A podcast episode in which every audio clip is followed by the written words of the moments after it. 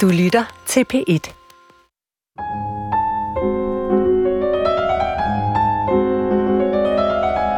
Min leder øh, kunne se, at der var noget med mig øh, i det øjeblik, jeg trådte ind ad døren. Øh, og hun siger, du ser lettet ud, men du ser også ked ud af det. Og det tror jeg, det beskriver øh, følelsen rigtig meget om, at jeg havde jo fået en forklaring på, hvad det var, men samtidig var jeg jo også ked af, hvorfor er det ikke blevet opdaget noget før. Hvis det var blevet opdaget, kunne jeg så måske have fået altså en universitetsuddannelse, eller kunne jeg have fået en, en studentereksamen, altså, eller kunne jeg bare have gennemført noget i mit liv, så jeg havde følt, at jeg ikke var dum. Øh, så det var hele, kan man sige, den lille spæde følelse, som, som jo har vokset sig kæmpestor og overskygget det hele. Det var jo det, der blev udløst i, at du siger, jamen du er ordblind. Det har virkelig været altså sådan helt identitetsopbrydende for mig, fordi ja. den identitet, jeg havde påtaget mig ja. som værende dum, ja. den passede så ikke mere. Vi lever i en skriftkultur, så hvis man har svært ved at læse og skrive, så er man bagud på point. Fra starten. Velkommen til Supertanker. Jeg hedder Carsten Nordmann. Prepared for anything and everything. Søren og Mette så en sø. Søren og Mette så en ko. De fleste af os kan se ordene for os. Ikke det, de beskriver, men de skrevne ord med bogstaver. Vi er nemlig i stand til både at afkode og bruge bogstaverne i alfabetet. Mange danske ord kan man nemlig regne ud, hvordan staves, fordi alfabetet er, som det er, og vi kender dets lyde og de lyde, man kan lave med bogstaverne. Men sådan er det ikke alle, der oplever det. Hvis man er ordblind, giver bogstaverne og sammensætninger af dem ganske enkelt ikke mening. Og det har absolut intet at gøre med, at man er mindre begavet, at man skulle være dum eller doven. Ikke desto mindre er det sådan, mange ordblinde er blevet stemplet, og derfor også selv har haft en oplevelse af, at de er mindre værd, fordi de ikke kan stave. I hvert fald i et samfund, hvor skrift fylder så meget, som det gør i den vestlige verden på den nordlige halvkugle. Det var noget andet, hvis det var hieroglyffer, altså billeder. Men hov, vi bruger jo emojis i stedet stigende grad, når vi kommunikerer gennem vores computere og telefoner. Og de moderne apparater har stavekontrol. Måske er det med til at gøre nogle ting nemmere for overblinde. Uffe Holm, komiker, velkommen til dig. Tak for det. Kan vi ikke lige starte med at høre, hvilken uddannelse du har? Jo, jeg har en, øh, 9. klasse, øh, og så har jeg et år på det, der hedder HG. Og du øh, er, er øh, i dag professionel stand-up-komiker. Du turnerer og har forhåbentlig et øh, godt liv med det. Hvad var det, der trak dig i den retning oprindeligt? Jamen, det var egentlig, at øh, jeg altid har været sådan lidt øh, en sjov fætter. Øh, og øh, da vi så, jamen jeg er vel sådan 15-16 år, der, der, der ser jeg nogle, øh, nogle kom, et komikerpar, der hedder John og Åge som er sådan øh, øh, øh, to mennesker, der klæder sig ud med pibe og på ryg, og, og, og de lavede noget, der hed Ung TV, som var noget af det mest syrede tv, jeg nogensinde havde set der i, øh, i, i starten af 90'erne. Og øh, så tænkte jeg, det der, det, det, det er lige mig, det der. Og øh, så begyndte stand-up'en også at komme til Danmark. Og, øh, og så, så satte jeg mig ned, og så begyndte jeg at skrive nogle jokes om, hvad man nu ved, når man er de der 16-17 år.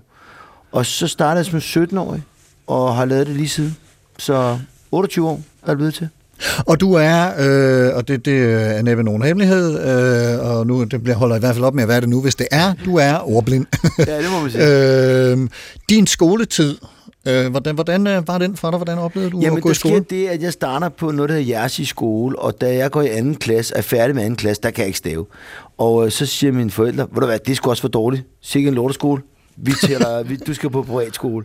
Og så kommer jeg så på Sydkysten Privatskole, og der er ikke plads til, at jeg kan komme ind i 3. klasse.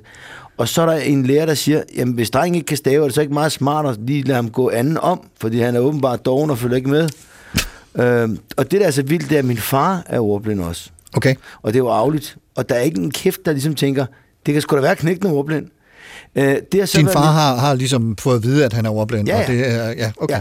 Ja. Øh, men, men, og det er jo afligt. Øh, og jeg, øh, hvad hedder det, øh, jeg er så dygtig til at, øh, og ligesom du smutte omkring øh, de rigtige hjørner, så der er ikke nogen, der opdager det. Jeg, jeg, øh, jeg kan narre folk med det. Og jeg fik bare at vide, prøv, så længe du bare gør det så godt du kan, så er vi glade. Og så gjorde det bare så godt jeg nu kunne på det der. Og, øh, og så troede folk, at min, min mor og far var sådan lidt, jamen er det ikke noget med endelserne? Han er sindssygt dårlig til de endelser der. Det, jamen det er dem, siger jeg, det er de endelser der. Så, så kom jeg til sådan noget ekstra skole, noget, hvor jeg skulle lære noget med endelser og sådan nogle ting og sager. Og så i 5., 6., 7. klasse, eller sådan noget, så er der jo en, der siger, du skulle da ordblind, mand. Det, det, giver, det tror jeg da også, jeg. jeg det giver da ingen mening, det der, for mig overhovedet. Men, men har, er, du, er, er du ligesom blevet udråbt som, som dum, eller doven, eller drillet af dine øh, klassekammerater, fordi... Nej, men ej, altså, jeg, ikke jeg, jeg var lidt heldig med det, fordi, Carsten, jeg, jeg går jo i en klasse om, så jeg er jo et år ældre, end dem, jeg går i klasse med. Mm. Jeg er et år større, stærkere og kvikkere. Og, øh, og, og der har jeg så øh, formået at skjule det her ordblindhed ved at være god til nogle andre ting. Og det er typisk det, børn gør, det er, at hvis de er dårlige til noget, så, øh, altså hvis de er dårlige til at cykle, så siger de, skal vi ikke hellere hoppe i trampolin? Ikke? Og så får de folk med hen på trampolinen. Og det, det er nok det, jeg har gjort øh, ubevidst. Ja. Øh, så det er ikke sådan, når vi har sagt, hvad, hvad er vi fri, hvad skal vi lave? Så har jeg ikke sagt, hvad med en diktat? Kunne det ikke være super fedt? så, øh, så har jeg ligesom bare, du ved, øh, sagt, Shit, hvis jeg har fået et dårligt karakter, karakter i, i, i, en diktat, så har jeg sagt, jamen, det, jeg skulle heller ikke øde mig. Hvem fanden gider også at lære stave? Altså herregud, eller et eller andet, og så videre, ikke? Ja. Karina Valentin Dein, du Ja. er også med os, kant Yes. med i audiologopædi, og så Ja. har du kommunikationshandicap og dysleksi som speciale. Ja. Velkommen til dig. Tak for frem det. For alt. Tak. Lad os lige høre, hvad, hvad er det specielle ved din faglighed? Fordi du fagner sådan ret bredt, så vidt jeg har forstået. Altså, øh, aud- audiologopædi, det er jo sådan et studie omkring kommunikationshandicap øh, på universitetet. Øh, og da jeg var færdig med det, så arbejdede jeg med lidt forskelligt inden for området, og så blev jeg grebet af dysleksi. Øh, og det var det sådan fra Som er den kliniske term for ordblindhed. Lige præcis. Ja. Og det er omkring sådan 12 år siden eller sådan noget. Og lige på det tidspunkt, så kom der rigtig meget frem omkring IT-hjælpemidler, og det synes jeg var spændende. Altså de her hjælpemidler begyndte virkelig at kunne noget. Øh, og det blev jeg grebet af. Øh, og så derfor begyndte jeg på dysleksiområdet faktisk. Øh, og så siden, så har jeg taget en psykoterapeutisk uddannelse.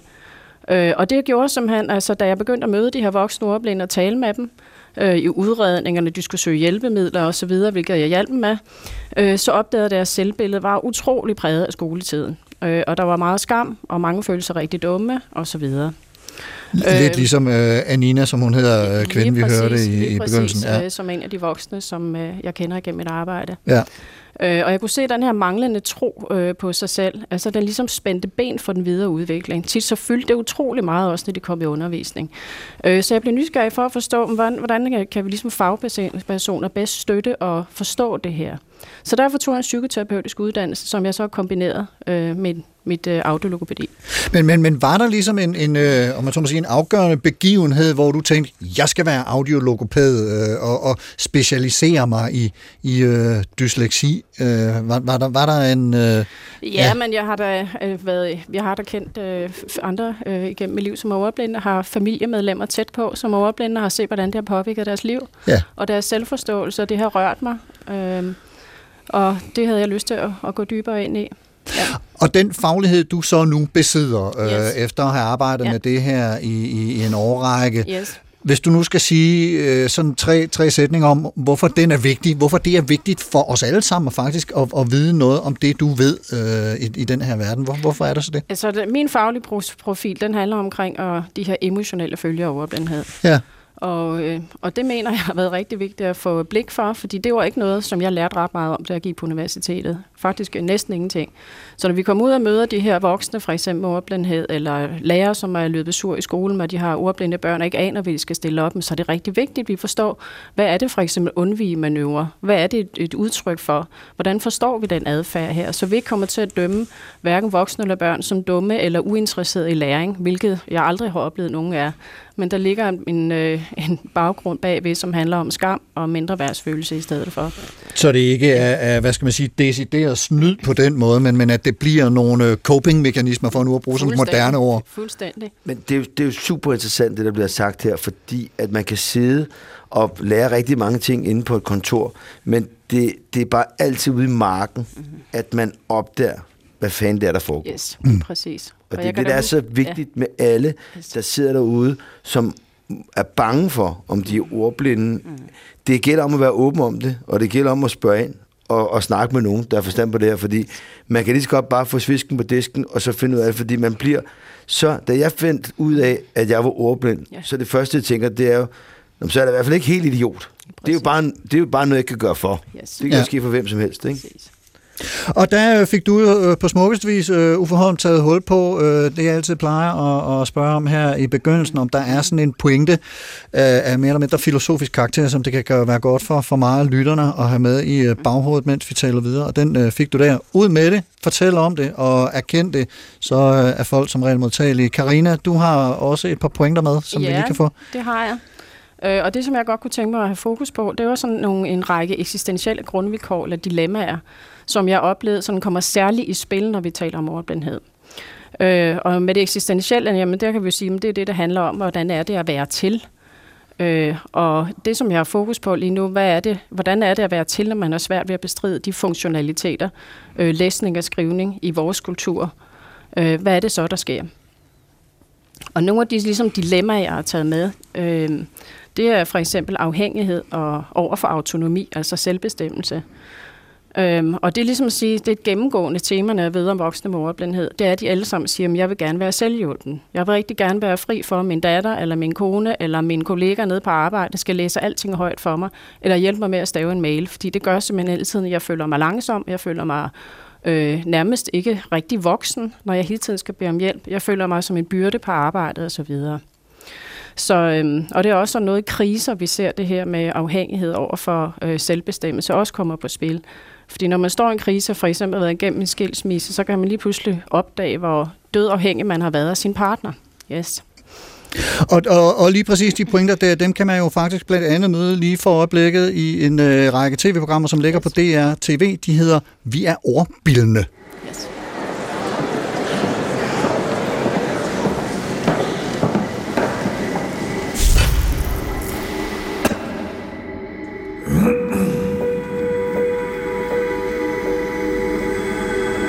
Øh, mit mellemnavn, Brandstrup. Jeg kunne fandme ikke stave det i, i flere år, indtil jeg bestemte mig for, at nu skulle det være slut. Sad derhjemme og tærpede det og skrev det, huskede bogstaverne. Altså, det er virkelig noget, jeg har brugt energi på. Og kunne finde ud af at stave mit fucking egen navn.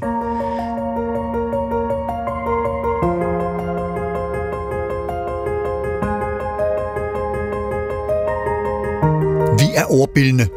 Sådan lyder titlen på den programserie, der kan ses på DRTV, hvor vi møder fire af de knap 400.000 danskere, der anslås at være ordblinde. Nora, Nana, Karina og Frank. De fire har valgt at konfrontere deres ordblindhed og sagt ja til flere ugers intens læse- og skriveundervisning. Begyndende med blandt andet en diktat, der sender deltagerne direkte tilbage til folkeskolens svedige håndflader, dunkende hjerter og frustrationer. Det var udsproget af en god idé. Udsproget.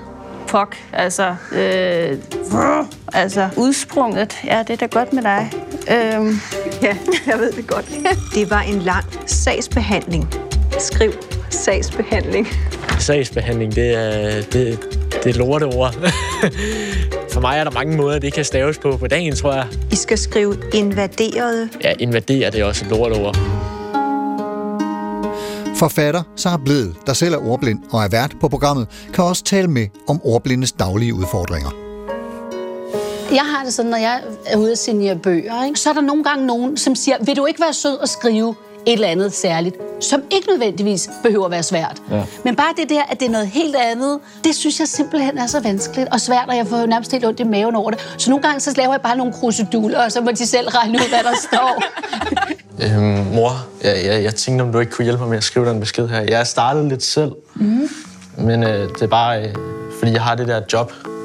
Det er meget vigtigt, at jeg synes, det er skrevet ordentligt. Der skal ikke ligge sådan nogle stavefejl eller sådan noget. Altså, at være 18 år få hjælp af sine forældre, det er ikke fedt. altså, jeg ville da helst ønske, at jeg bare var selvstændig ung mand. Sådan, fordi 18, det er også lige så meget det der med, at du er voksen. Ej, det, du er voksen, og nu skal du ud i livet og selv finde ud af det. Og så stadig få hjælp af sine forældre, det er sådan lidt træls. jeg har ikke drømt om noget, fordi det pillede de fra mig i folkeskolen. Jeg kom jo i lære som en eksistentent ved en tilfældighed, fordi den siger, kunne du ikke tænke dig det? Jeg er jo god til at gribe de muligheder, der kommer på min vej, når folk tilbyder det, men det er meget sjældent, at jeg selv stiller mig op for at sige noget, at det her, det vil jeg gerne. Det er sådan noget, jeg synes, der er svært at skulle skrive på en tavle, hvor andre skal læse det, hvor jeg ikke ved, om det er stadig rigtigt eller ej. Jeg tror egentlig, at aspars er stadig rigtigt, fordi det har jeg... Man siger aspars. Der er jo ikke nogen, der siger ar, par, gøs. Men jeg har, altså, jeg, jeg, for at kunne stave det, så tænker jeg på et ar, som hvis jeg har brændt mig. Og så et par, som er to. Og så gæs, som om det var dem, der går rundt. Men det ved jeg godt er med æ, men det skal staves med e, så jeg tror egentlig, det er rigtigt. Det har jeg stadig rigtigt. Men skulle jeg stave det uden at vide? Nej, jeg mangler et s. As, aspars. S. Par, gøs. Hvad skal vi så? Når min søn gerne vil have, at jeg læser en bog for ham, som er til to år, og far han sidder og fumler i det. Det irriterer mig. Transporteret. Transporteret. Øh, by, bygningsarbejderne bruger... Jeg ved, at min søn i princippet er ligeglad med, hvad det er, jeg læser. Jeg kunne bare digte et eller andet. Men der står noget, og det vil jeg gerne læse for ham, fordi det, ja, At bygge. det er de situationer, de irriterer mig mest at være ordblind. Den har jeg også svært ved, faktisk. Nu er mine børn så store, og de begynder jo også at kunne mærke, at jeg har svært ved det. Så for mig er det jo bare vigtigt, at jeg også kan hjælpe dem, når det virkelig kræves. Står der pels, vand, tykkegummi, tykkegummikniv, tykkegummikamp, tykkegummijakke, tykkegummi bamse, tykkegummi vogn eller tykkegummi dyr. Tykkegummi bamse. Jeg vil også sige tykkegummi bamse. Det kunne vi prøve at spørge far om. Ja, selvfølgelig spørger vi bare far, og det er da rigtig dejligt, vi har far til at kunne hjælpe, når jeg ikke kan. Men hvor er det dog bare pisseirriterende, at man ikke selv kan. Der står vingummi. Der står vingummi. Det giver mening. Ja, Uffe Holm, øh, nu øh, hører vi de her eksempler på, på nogle af de øh, ordblinde, som medvirker i tv-programmerne Vi er ordbildende, ja. som ligger på DRTV, og vi hørte lige for et øjeblik siden Karina tale om det her med uafhængighed. Mm-hmm. Øh, når du har læst højt for dine børn, eller har skulle hjælpe dem med lektier, er der noget her, du kan genkende? Eller? Ja. ja. ja, altså jeg, øh, jeg opfinder selv ordene. Øh, Ja. Hvis jeg ikke kan læse dem, så finder jeg bare på noget. Øh, vi, I øjeblikket læser jeg en øh, bog om øh, Madikken. Ja. Øh, svenske Madikken. Øh, det er en gammel bog, så der er mange krøllede sætninger, og øh, den måde snakker man ikke på mere. Øh, og derfor så, så, så skøjter jeg bare ud af, fordi det gælder egentlig bare om at underholde min datter og, øh, og, få, og få hende til at sove. Ikke? så øh, så det, det kan jeg helt klart godt genkende til. Og faktisk på vej i dag, og det er ikke engang løgn, der så siger hun, far, jeg skal have regning, billedkunst og dansk. Så siger jeg, vi forbereder, hvad er 4 plus 4? 8.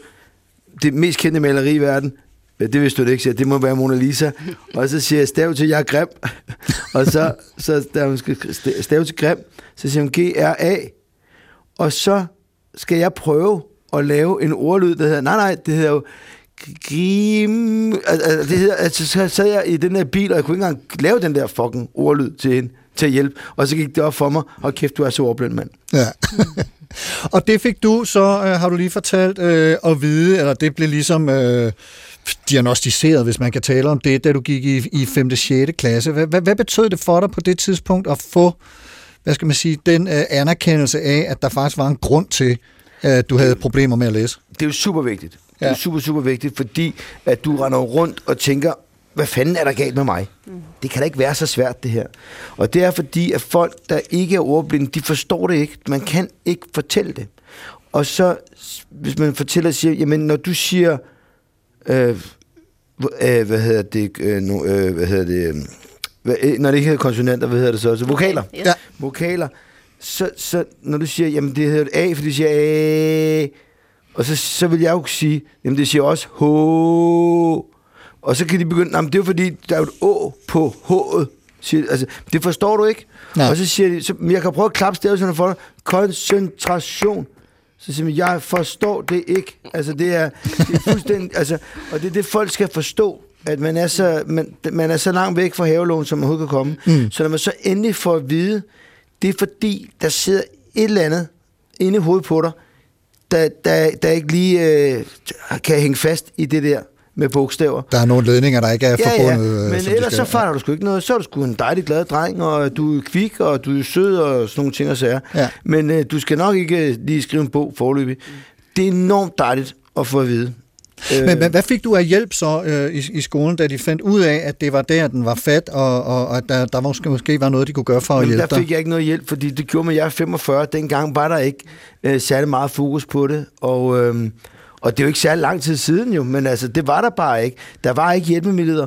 Der, du kunne godt få en ekstra pædagog, som så kunne sidde og lave nogle ting med dig, men, men fordi at jeg var så god til at affotografere ord og situationer og huske ting, mange, mange, mange ordblinde øh, er, er, er meget kreative til, til mange andre ting, og så, så finder man på nogle andre ting, man kan finde ud af. Det går jeg så. Og det vil sige, at jeg kunne komme igennem øh, en HG med et snit på, på lige under 8, Hmm. Øh, og i skolen, du ved, så, så fik jeg 10 i noget fysik, ikke? og så fik jeg du ved, 11 i noget engelsk og sådan nogle ting. Og, så, og alt mundtligt dansk var jeg jo sindssygt god til. Ja, fordi, ja, for du kan jo noget med, altså du kan jo godt finde ud af at tale, altså, og du er stand-up-komiker, du kan noget med sprog. Ja. Har du oplevet i, i, i, i, i den øh, karriere som, som stand-upper og som arbejder med sprog, at din ordblindhed var en hindring? Ja, det kan jeg love dig for. Ja. Og det er jo fordi, og jeg sagde det faktisk lige til Karina, mens vi hørte det her øh, øh, indslag, så vil jeg sige, da, da, da, da dig og Carsten snakker sammen, der forstår jeg ikke halvdelen af, hvad I siger. Mm. Der er så mange lange ord, som jeg aldrig har hørt før, eller har forstået, eller selv brugt.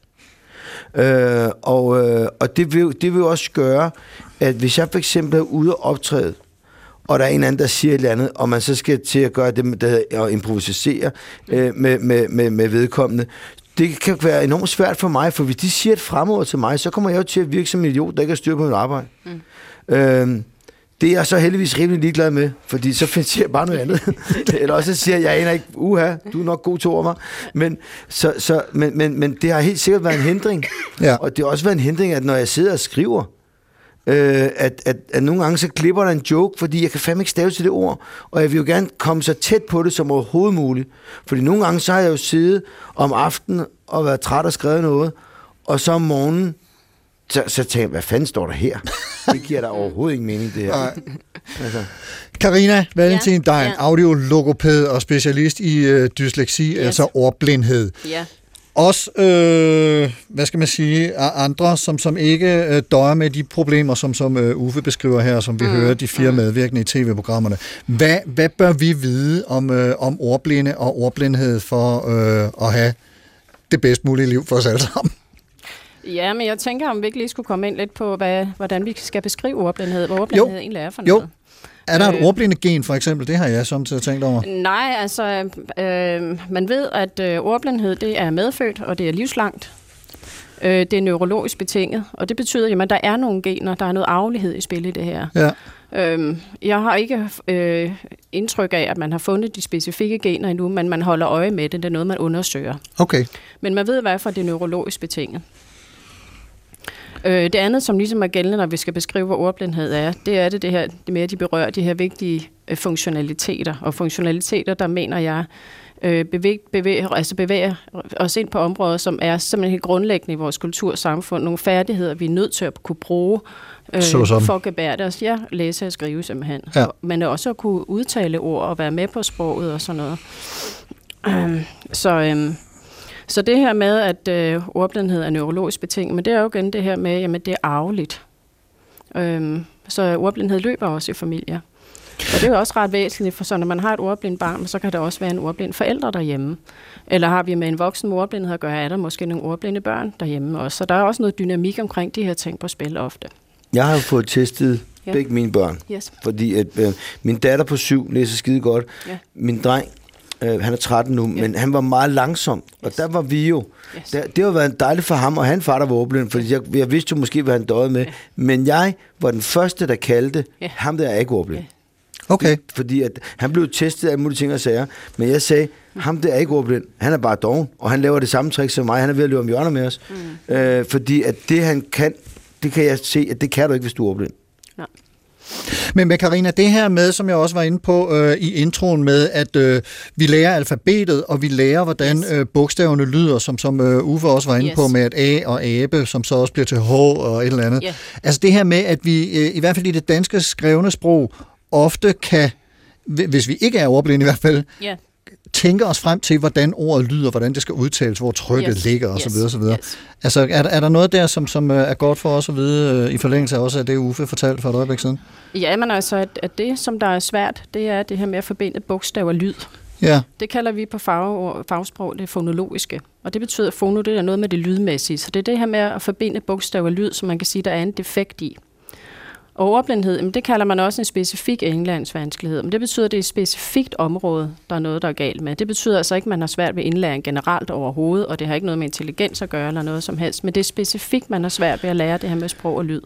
Og det gør så, at, det, at læsningen bliver krævende.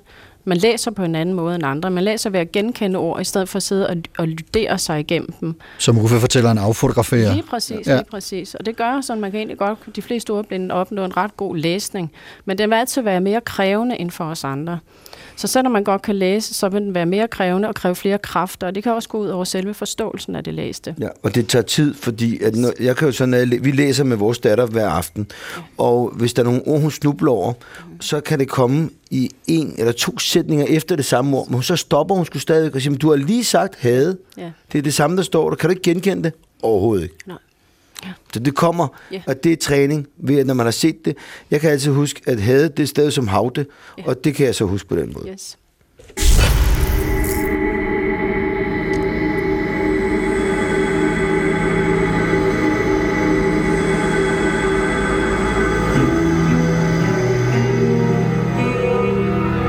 Når vi hører et fremmedsprog for første gang, er noget af det, vi synes er virkelig svært at skille ordene fra hinanden. Vi hører bare en lang strøm af lyde, som lyder anderledes end vores egen tale, og vi aner ikke, hvor et ord slutter, og det næste begynder, og slet ikke, hvad noget af det betyder.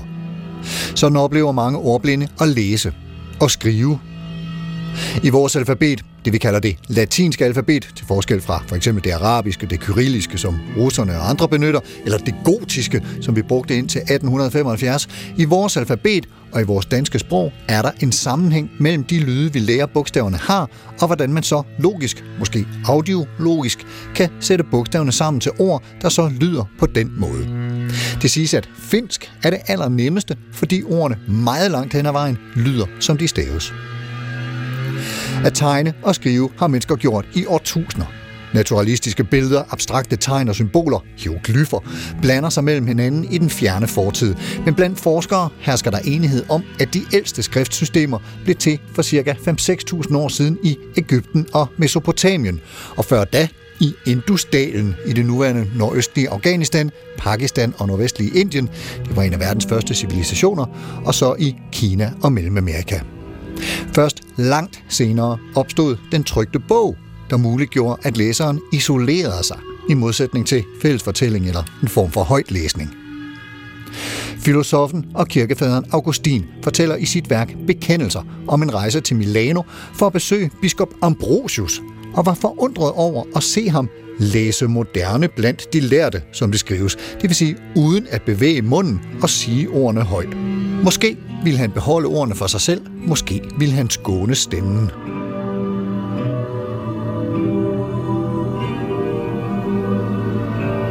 Individualisme, privathed og træning af den autonome dømmekraft hænger tæt sammen med evnen til at skrive og læse.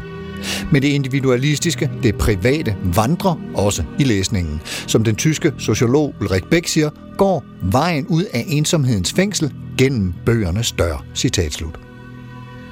Men før både Beck og Augustin var ting og fortællinger blevet skrevet ned. I lang tid uden tegnsætning, uden mellemrum mellem ordene, en lang klattet ophobning af tegn på for eksempel papyrus. Og de gamle grækere, vi skal altid huske på de gamle grækere, var allerede på deres tid, 300-400 år før vores, godt i gang med at filosofere over skriften og læsningen. Aristoteles sagde, at skriftlighed danner grundlag for omhyggelighed, systematik og præcision, og med de egenskaber muliggøres videnskab. Platon sagde, til at lære at læse afsættes tre år. Og når man har lært skriften og læsningen at kende, følger der også magt, herredømme og repræsentation med. Ordet grammatik har samme ordstamme som ordet glamour. Og forfatteren, autoren, har autoritet.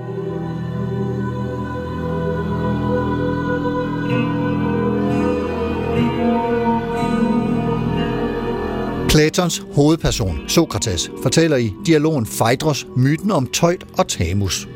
Tøjt er en egyptisk gud. Han afbildes tit med fuglehoved, fuglen Ibis. Han er opfindergud og har opfundet tal, regnekunst, astronomi og målekunst, og brætspil og terningespil, og så hans stolthed, bogstaverne.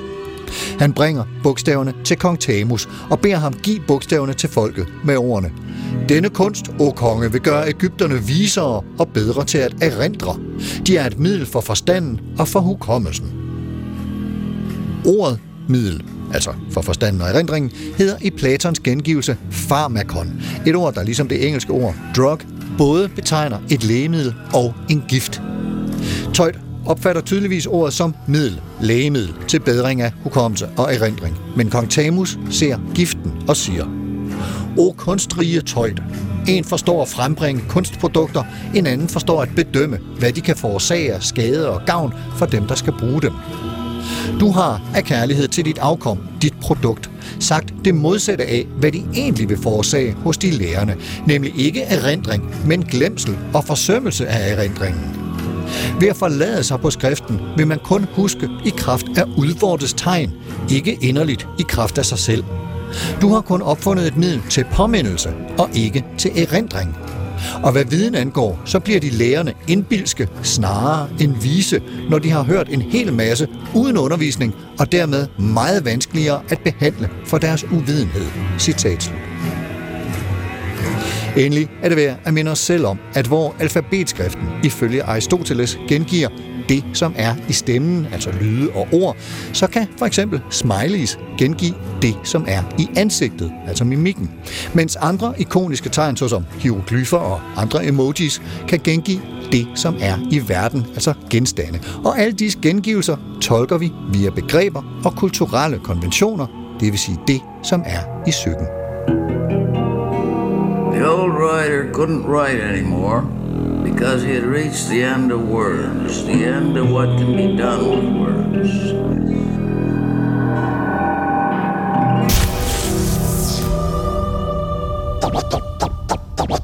Would you mind? Og der skal lyde en stor tak til Marie Møller Christensen for bogen Skrift fra billeder til bits, og til filosofilektor på DPU under Aarhus Universitet, Anne-Marie Eggert Olsen, for venlig hjælp og henvisning til en forelæsning, som hun holdt om det her emne tilbage i 2012. Altså, bogstaver, ord på print, ord udtalt, højtlæsning, skrivning, tekst som erindring, som lægemiddel og gift. Som drug. Vi lever i en skriftkultur, det står ikke til diskussion, og hvis man så har svært ved at afkode skrift eller selv at skrive, hvor stiller det sig ind? Mennesker, som har ordblindhed, bliver ofte stemplet som dumme eller dårne, hvilket selvfølgelig er fuldstændig urimeligt, men fordi vi i vores del af verden hænger så meget op på alfabetet og brugen af det, som vi gør, så bliver dem, der har svært, for nogens vedkommende umuligt, ved at bruge alfabetet, parallelt parkeret fra omverdenen. Og som man kan se i tv-programmerne Vi er ordbildende, så er det smadret hårdt. Men der er heldigvis hjælp at hente, blandt andre hos dig, Karina Valentin Dejen. Du er audiologopæd med speciale i ordblindhed, og Uffe Holm, komiker, øh, som også er med i øh, studiet i dag. Hvad betyder det for dig, Uffe, det her med at kunne læse og skrive i vores del af verden? Altså, hvor meget oplever du, at vores verden er hængt op på de færdigheder? Jamen altså, det, øh, det, det oplever jeg jo øh, hver dag, kan man sige. Fordi alt, hvad det hedder øh, internet, sociale medier, øh, ting og sager, det er jo skrift. Og det er da også, I realiteten kan du fortælle en hel historie med emojis. Hvis jeg skulle fortælle dig, at jeg skal på jagt i Skotland i morgen, så vil jeg sende et billede af en pistol, der skyder en ged, øh, og så et, et skotlandsk flag. Ikke? Så ja. du selv regne nogenlunde ud, hvor vi er henne. Ikke? Men det er bare ikke altid nok. Og det er jo fordi, der sker rigtig mange spændende ting rundt omkring, og de bliver jo skrevet.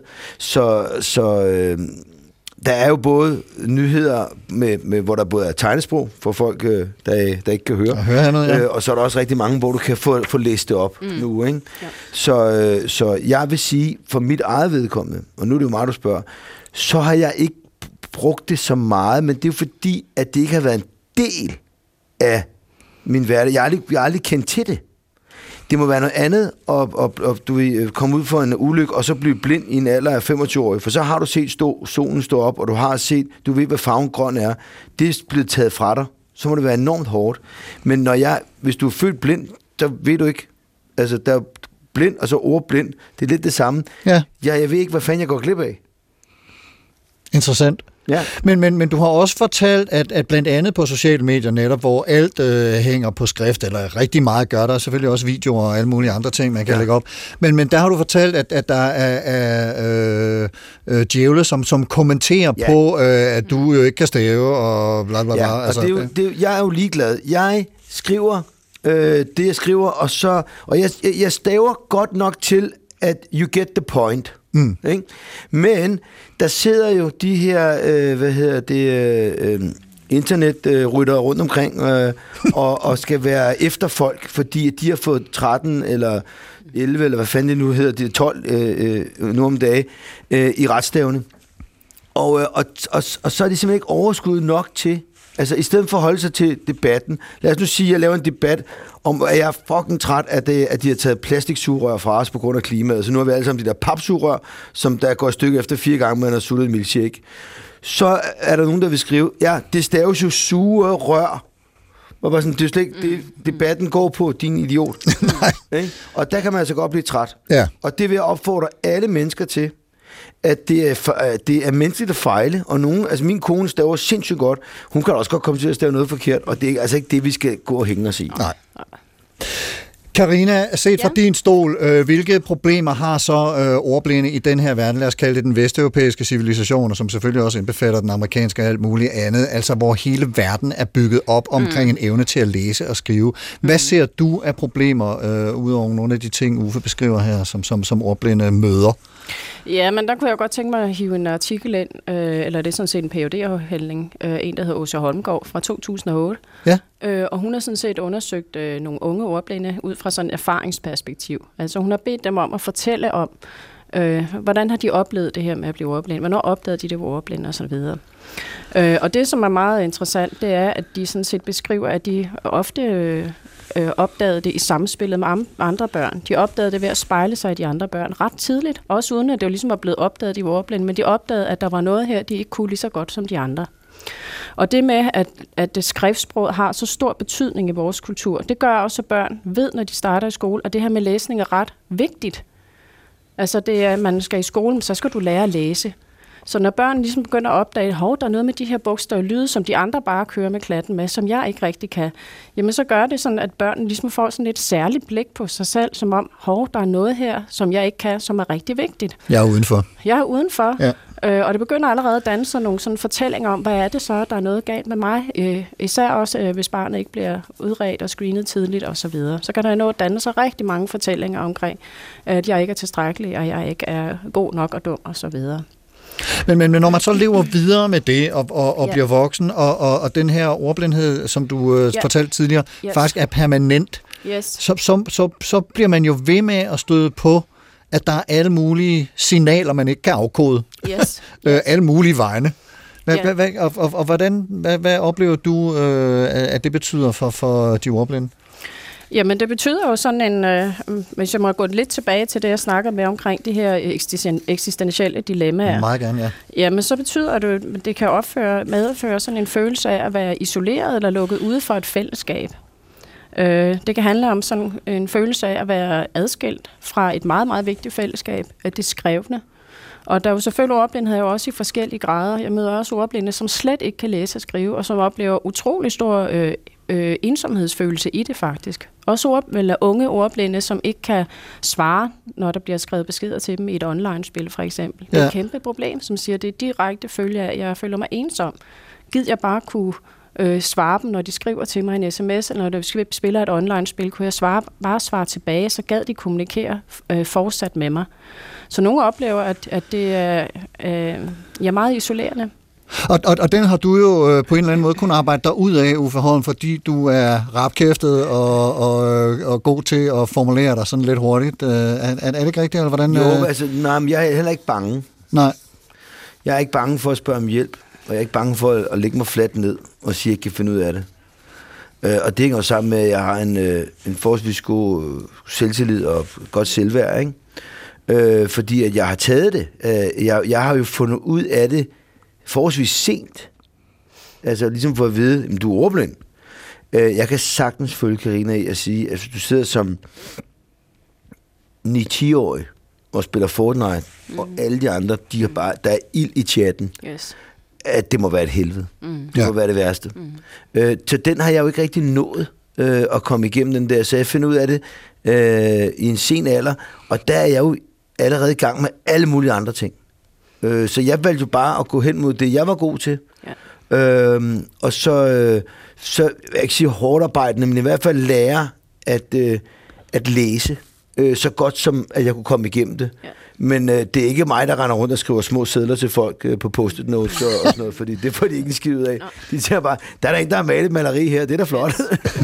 Ja, fordi de fleste ordblinde når egentlig at opbygge sådan en rimelig god læsefærdighed, mens de rigtig mange oplever, det er Ja. det skrift, altså det der skrive, der bliver bedre. det rigtig, er altså rigtig stavning og skrivning, det er helt kukuk. Ja. Ja. Altså, og det er også det, det kan blive meget synligt. Man kan føle, at man blotter sig utrolig meget. For eksempel, hvis man skriver ind på Facebook, jamen så vil der komme stavefejl, og det bliver kommenteret. Så, så det der med skrivning, der bliver det hurtigt afsløret, at man har en vanskelighed også. Ja, men problemet er jo, at når du så er, sidder og skriver på en chat, og der er nogen, der skriver, at det det er stadig forkert, mm. så kan du ikke engang give dem... Altså, normalt så kan jeg give dem tørt på verbalt. Jeg kan ikke give dem skrift, øh, tørt på skriftligt, fordi så sidder jeg bare og dummer mig endnu en gang. Det er Ikke? sat ud af spillet. Ja. Fuldstændig, så er man bare færdig, så man kan ikke engang gå ind og, og gøre et eller andet. Men, men jeg, jeg, jeg, jeg, jeg svarer bare, jeg, jeg tror godt, folk forstår, hvad jeg mener. Ikke? men flot, tillykke med, at du Ja. kan stave. Yes.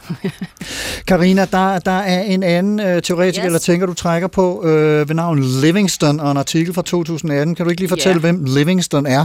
Og, ja, og hvad det er sådan Livingston and Siegel, sådan set, har skrevet den. Øh, og de har samlet over øh, 100 artikler, øh, som har handlet omkring det med emotionelle følger og konsekvenser af, altså konsekvenser af at have ordblindhed i vores kultur. Og de er kommet sådan frem til dels, at, øh, at lav selvværd, det er faktisk en af de almindeligste øh, psykologiske problemer hos personer med dysleksi. Øh, og det vil jeg sige, mit, Hvad mit, betyder dysleksi? Det er ordblindhed. Okay. Ja, og dys Der kan godt, se, hvor- der- der er væk, ikke? Og det, og det smager godt, du spørger om det, fordi også øh, fagpersoner, vi kan komme til at jonglere med nogle ord på en måde, øh, hvor vi tænker, at det forstår alle. Jamen det er det, fordi Yes. jeg, jeg vil jo bare sige, at folk med Ja. lavt selvværd, det er på grund af, de ordblinde. Yes. Så, øhm, så dysleksi, øh, leksi, det kommer sådan set fra det græske ord, som øh, handler om ord. ja, og så dys øh, fra latin, noget, der ikke helt fungerer. Så derfor dysleksi. Ja. Øhm, så noget af det, de kommer ind på også i den her artikel, der er det her med, at øh, de kommer med nogle råd til, hvad er det, der kan gøre, for at de her konsekvenser minimeres. Øh, og noget af det, det er det her med, at der er brug for øh, både faglig støtte hele livet, ikke kun i skolen, men også tit videre i voksenliv og uddannelse osv., men der er også brug for en emotionel støtte. Øhm, og det er sådan noget af det, som ligesom har været min øh, agenda at komme ud med at sige, at det er ikke nok, vi kan vi kommer med nogle hjælpemidler, og vi tester osv. Vi bliver også nødt til at forstå, hvad der sker. Så når det der lyder kom- næsten som om, det faktisk er vigtigere. det ikke? er, vil jeg sige, det. Ja. Fordi tit så er det jo det, der fylder utrolig meget. Det er de her negative oplevelser fra en svær skolegang. Og fra mange nederlag, det fylder vildt meget. Det kan nærmest fylde mere, end at jeg har svært ved at skrive. Ja. Ja, den kan du ikke genkende til. så, og så igen noget også, de, de slår på tromme for det her med den tidlige indsats. Øh, og det er jo noget, man ved igen og igen er blevet sagt, det er den tidlige indsats. Jo før at barnet får at vide, øh, jamen det er ordblinde vanskeligheder, det her handler om, så er det mulighed for at få hjælp til det. Det har brug for mulighed for at få hjælpemidler, så det ikke kommer tilbage i skolen i alle mulige andre fag også. Hvis man kan få læst alting højt i biologi, så er der ingen grund til, at du kommer bag ud i det også.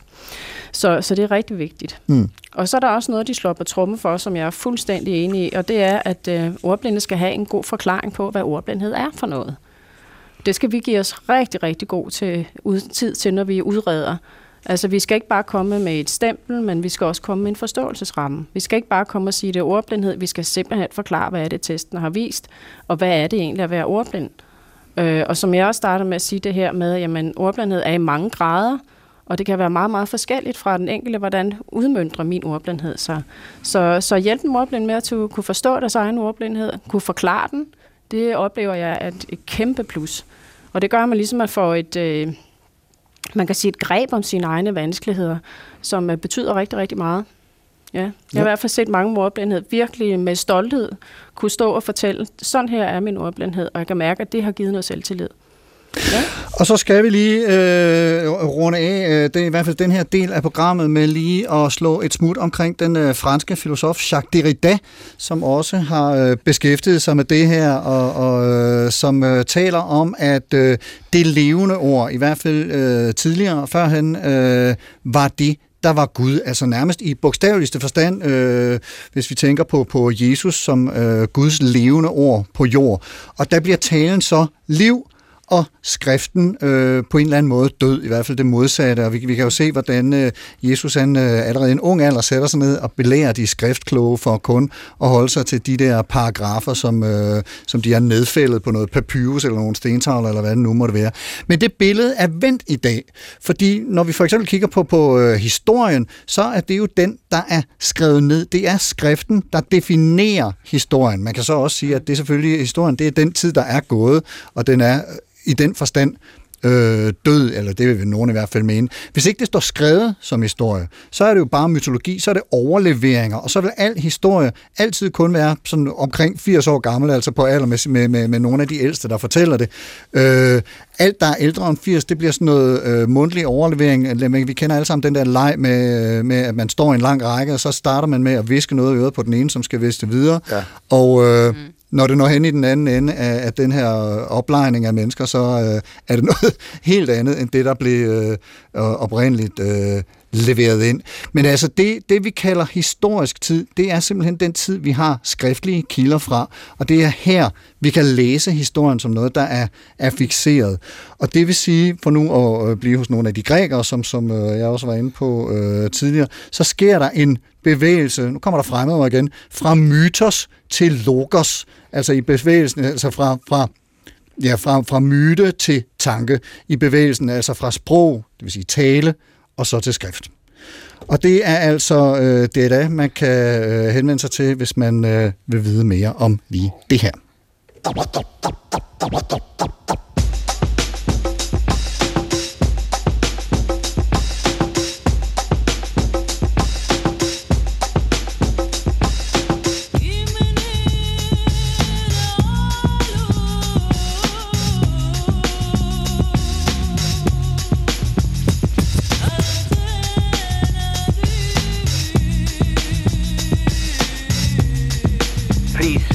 Would you mind saying that again? Thinking of a master plan. Supertanker, Uffe Holm, Karina Valentin Dein og Carsten Nordmann. Vi taler og læser og skriver, for det kalder den verden, vi lever i, på. Men vi har ikke alle sammen lige let ved at læse og skrive, fordi nogen er ordblinde, og det kan drille dem rigtig meget.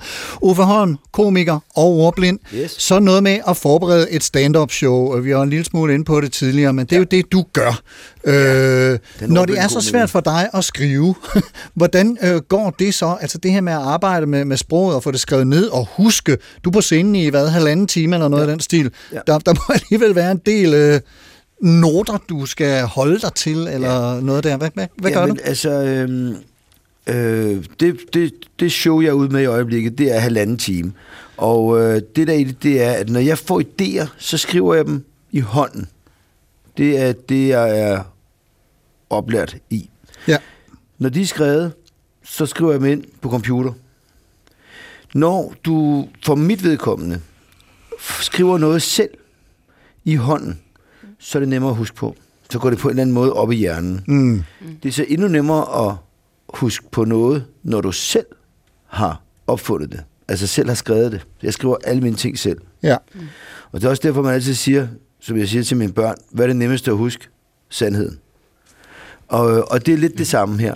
Ja. Øhm, og derfor så øh, kan det godt være, at jeg kommer til at sige nogle af tingene lidt forskelligt en gang imellem. Altså ikke helt ordret, som jeg egentlig har skrevet dem ned, men det er fordi, når jeg så står på scenen, så finder jeg ud af, hvor, hvor godt de sætninger ligger i munden, til at det kan blive komisk og sjovt, og mm. timingen, og finder alle de der ting, hvor man skal ligge trykket og holde pausen, alle de der ting og sager. Ikke? Og det er der sproget er levende, som vi lige var inde på. Og det må man sige, ja.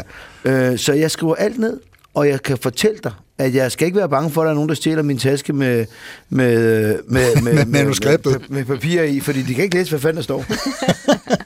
manuskriptet, det er, det er, jeg kan, det er faktisk, det er faktisk meget, lige en, en historie her. Jeg var engang ude og optræde et sted, og så var der sådan 10, sådan nogle cheerleaders, som var gået ind i det lokale, jeg havde mine ting i, og så havde de taget mit manuskript op, og så de, da jeg kom ind, så stod de og grinede, og så havde de streget alle mulige ting og sager og sådan noget. Øhm, og øh, at der vil jeg sige, at det var, det var fandme... Det var ikke nogen sjov oplevelse, faktisk. Altså, det var sådan 10 tøser, der stod og hånede en, fordi at øh, man stadig er dårligt, ikke? ja, det kan være... Det, altså, nu, det gik, det var fint, ikke? Ja, ja. Men, øhm, men ellers så, de kunne, ikke, for- de, kunne ikke, de kunne ikke læse noget af det. De kunne ikke forstå noget af det overhovedet. Mm. Men, men Karina Valentin, der er en, øh, ud fra din erfaring og ud fra, hvad vi nu hører Uffe Holm fortælle her, hvor- hvor- hvordan vil du så rådgive eller vejlede os andre i den bedst mulige for, forståelse af, af de her mennesker og det, de døjer med? Altså, hvad, hvad, hvad kan vi bruge? Ja, men der vil jeg sige, at øh, der ligger vægt på, at det her med overgangen er særlig sårbare. Og det kan både være overgangen øh, fra for eksempel fra skole til uddannelse, fra uddannelse til job eller til nyt job osv.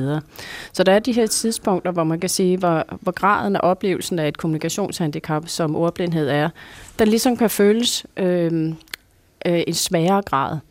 Så man kan sige, det er ikke... Øh, på nogle tidspunkter i livet kan jeg måske tænke, det kører fint nok. Øh, min øh, ordblindhed fylder ikke ret meget med liv. Man står lige pludselig skal skifte job, der er nye kollegaer osv., jamen så kan jeg opleve, at den her graden af mit handicap lige pludselig stiger. Mm. Så, så det her med, at, øh, at stabilitet betyder rigtig meget, når man er overblind. Men er, er det fordi, den bliver ligesom stress, øh, stresset Ja, frem på en eller anden måde? sige. Ja, øh, det bliver sårbart Ja. at, at skulle vise det igen. Så det med at skulle udstille vanskelighederne i nogle nye øh, situationer, men dertil forbundet med stor usikkerhed. Og så også man har oplevet sådan igennem skoletiden, at det har været forbundet med nogle dårlige oplevelser, det her med at skulle stille mig op, for eksempel læse højt i klassen, eller lave et oplæg, og så videre, så videre. Så selvom man er voksen, så er der nogen, der siger, at jeg kan lige pludselig føle mig som et barn igen. Hmm. For eksempel, hvis jeg står og sidder til et forældremøde, der bliver lagt øh, papir og blyant frem, og jeg øh, sidder der med mine ordblinde vanskeligheder som voksen, så kan jeg lige pludselig føle mig fuldstændig på barbund og usikker og tænke, øh, shit, hvornår kommer det her i spil på det her forældremøde? Hvornår ja. bliver det udstillet her, at jeg er bare en forælder, der slet ikke kan finde ud af at læse og skrive? Bare det, at det overhovedet ligger på bordet. Lige præcis. Ja. Ja. Lige præcis, og det gør mig faktisk øh, øh, vedkommende måske overhovedet ikke høre, hvad der bliver sagt på mødet, fordi de sidder stresset og sidder i så meget stress over, øh, at den her situation opstår. Så skulle du prøve at sidde og lave hjemmeskole med en datter på 6 år. Yes. Øh, I dansk. Det er også yes. lidt hårdt. Ja. ja. Og Supertanker er ved at være i land lige om et par minutter, men før vi når dertil, så skal vi lige nå at høre et par anbefalinger fra jer til, til hvor øh, lytterne kan gå hen, hvis de vil undersøge nogle af de her tanker nærmere. Og Uffe, frem for at øh, anbefale en bog eller noget andet, så har du simpelthen taget et godt råd med, og hvad er det? Jamen, øh, det kan jeg sgu ikke huske, hvad vi snakker om. Hvad det var. Jeg har mange gode råd, jo. Ja, men, men jeg, det vi snakkede om, det var, at det her med at turde blotte sig, og så Nå, simpelthen ja. vedgå, at man er overblind. Ja, og det var faktisk også for at samle op på det, som Griner siger med, at man, man, man tænker, holder det aldrig op det her? For så er man lige blevet mm. øh, accepteret i sit gamle job, så får man nyt job, så skal man fandme fortælle afdelingen, at man ikke kan stave også. Øh, og, og det er det, det er altid nemt at sidde og sige, og, og dem, der er ordblinde, de ved også godt, det er svært, men den eneste rigtige vej frem, det er at være ærlig og åben omkring det, og du skal ikke være bange for at bede om hjælp, øh, fordi dit handicap, det er noget, som du ikke kan gøre noget ved. Mm. Og, øh, og, det, det, og så skal du nogle gange tænke, det kunne være værre, du, du kunne være født uden ben, eller et eller andet. Ikke? Ja. Altså, og det bliver, sådan bliver man nødt til. Ja. Det bliver man sgu nødt til. Karina, du har taget et par hjemmeside henvisninger med. Kan, ja, kan du lige hurtigt øh, Ja, line dem op? Ja, det har jeg. Øh, et liv som ordblind.dk. Jesper Seestad, en fyr, som selv er ordblind, som har lavet en øh, hjemmeside med masser af gratis viden og inspiration. Øh, både til, hvad, hvis man er forældre, har et ordblind barn, eller hvis man selv er ordblind, og så videre. Smad og god. Ja. Øh, så har jeg jo en anden hjemmeside med, ordblindhed.dk, som er øh, børne- og familie, hvad hedder det? Det er under undervisningsministeriet. Jeg kan ikke lige huske præcis, hvilken afdeling, det er også lige meget. Men der kan man i hvert fald hente øh, information og vejledning til, hvor kan man søge hjælp, for eksempel hvis man vil søge hjælpemidler, eller hvis man har et barn, der er ordblind. Øh, hvis man sidder som fagperson ude i en kommune, hvor kan jeg øh, henvise til, så folk kan søge hjælpemidler osv. Øh, så er der ordblindeforeningen.dk, som jeg, jeg også vil slå et slag for her. Ja. Øh, og det er en forening for ordblinde selvfølgelig, men hvor man kan melde sig ind og være med til at, at, at hvad man kan sige, have en stemme og følge med i, hvad der sker på området. Der sidder nogle stærke kræfter derinde, der kæmper for de ordblinde hver eneste dag. Og jeg lægger selvfølgelig de links på øh, øh, Facebook-siden Carsten Nordmann Radio, så man kan finde dem der. Du har også en bog, som vi lige Der kan er stadig nogen, der med. skriver rigtig meget nu. Ja. Med. det. Ja, så har jeg også en bog, nu jeg snakket omkring det her med de emotionelle følger, så der er en bog med en, der hedder Trine Trandemøller fra 2019, og den hedder Dysleksi, Motivation og Busthed, og det er en rigtig, rigtig fin fagbog, som handler så omkring, hvad er det, hvordan kan vi opleve børn i skolen, hvordan øh, den her adfærd, når de bliver usikre på deres egen læring, hvordan kan vi takle den? Rigtig fint. Og det var simpelthen den superoptagning, vi nåede for i dag. Vi er på vej mod land. Uffe Holm, komiker, tusind tak, fordi du kom og var med til at udvide vores forståelse af livet som ordblind. Det og var en fornøjelse og pissehyggeligt, Carsten. det var dejligt. Og Uffe Holm har netop taget hul på, som man også sagde, en efterårsturné med coronashowet Stay the Fuck Home. Det kan man finde en plan over på uffeholm.dk, og der er vist også noget om ordblindhed i det, det show. Lover for dig. Og Karina Valentin Dein, kant, med, øh, kant mag i audiologopædi og specialist yes. i dysleksi. Tusind tak også til dig for tak. at hjælpe os med at blive lidt klogere på det her. Og som altid naturligvis, mange tak til dig, kære lytter, for at lytte med. Hvis du kan lide, hvad du hører, så del det med dine venner, skriftligt, mundtligt, med emojis, eller hvad du nu end kommunikerer med. Hvis du har ris, ros eller idéer til programmet, eller andet, du gerne vil kommunikere til mig, så skriv en mail til supertanker eller gå ind på Facebook-siden Carsten Ortmann Radio. Programmet i dag var tilrettelagt af Dorthea Lind Neuenschwander og mig. Jeg hedder Carsten Ortmann. Programansvarlig er Jesper Langballe. Ha' en rigtig god uge og på genhør. Thinking of a master plan.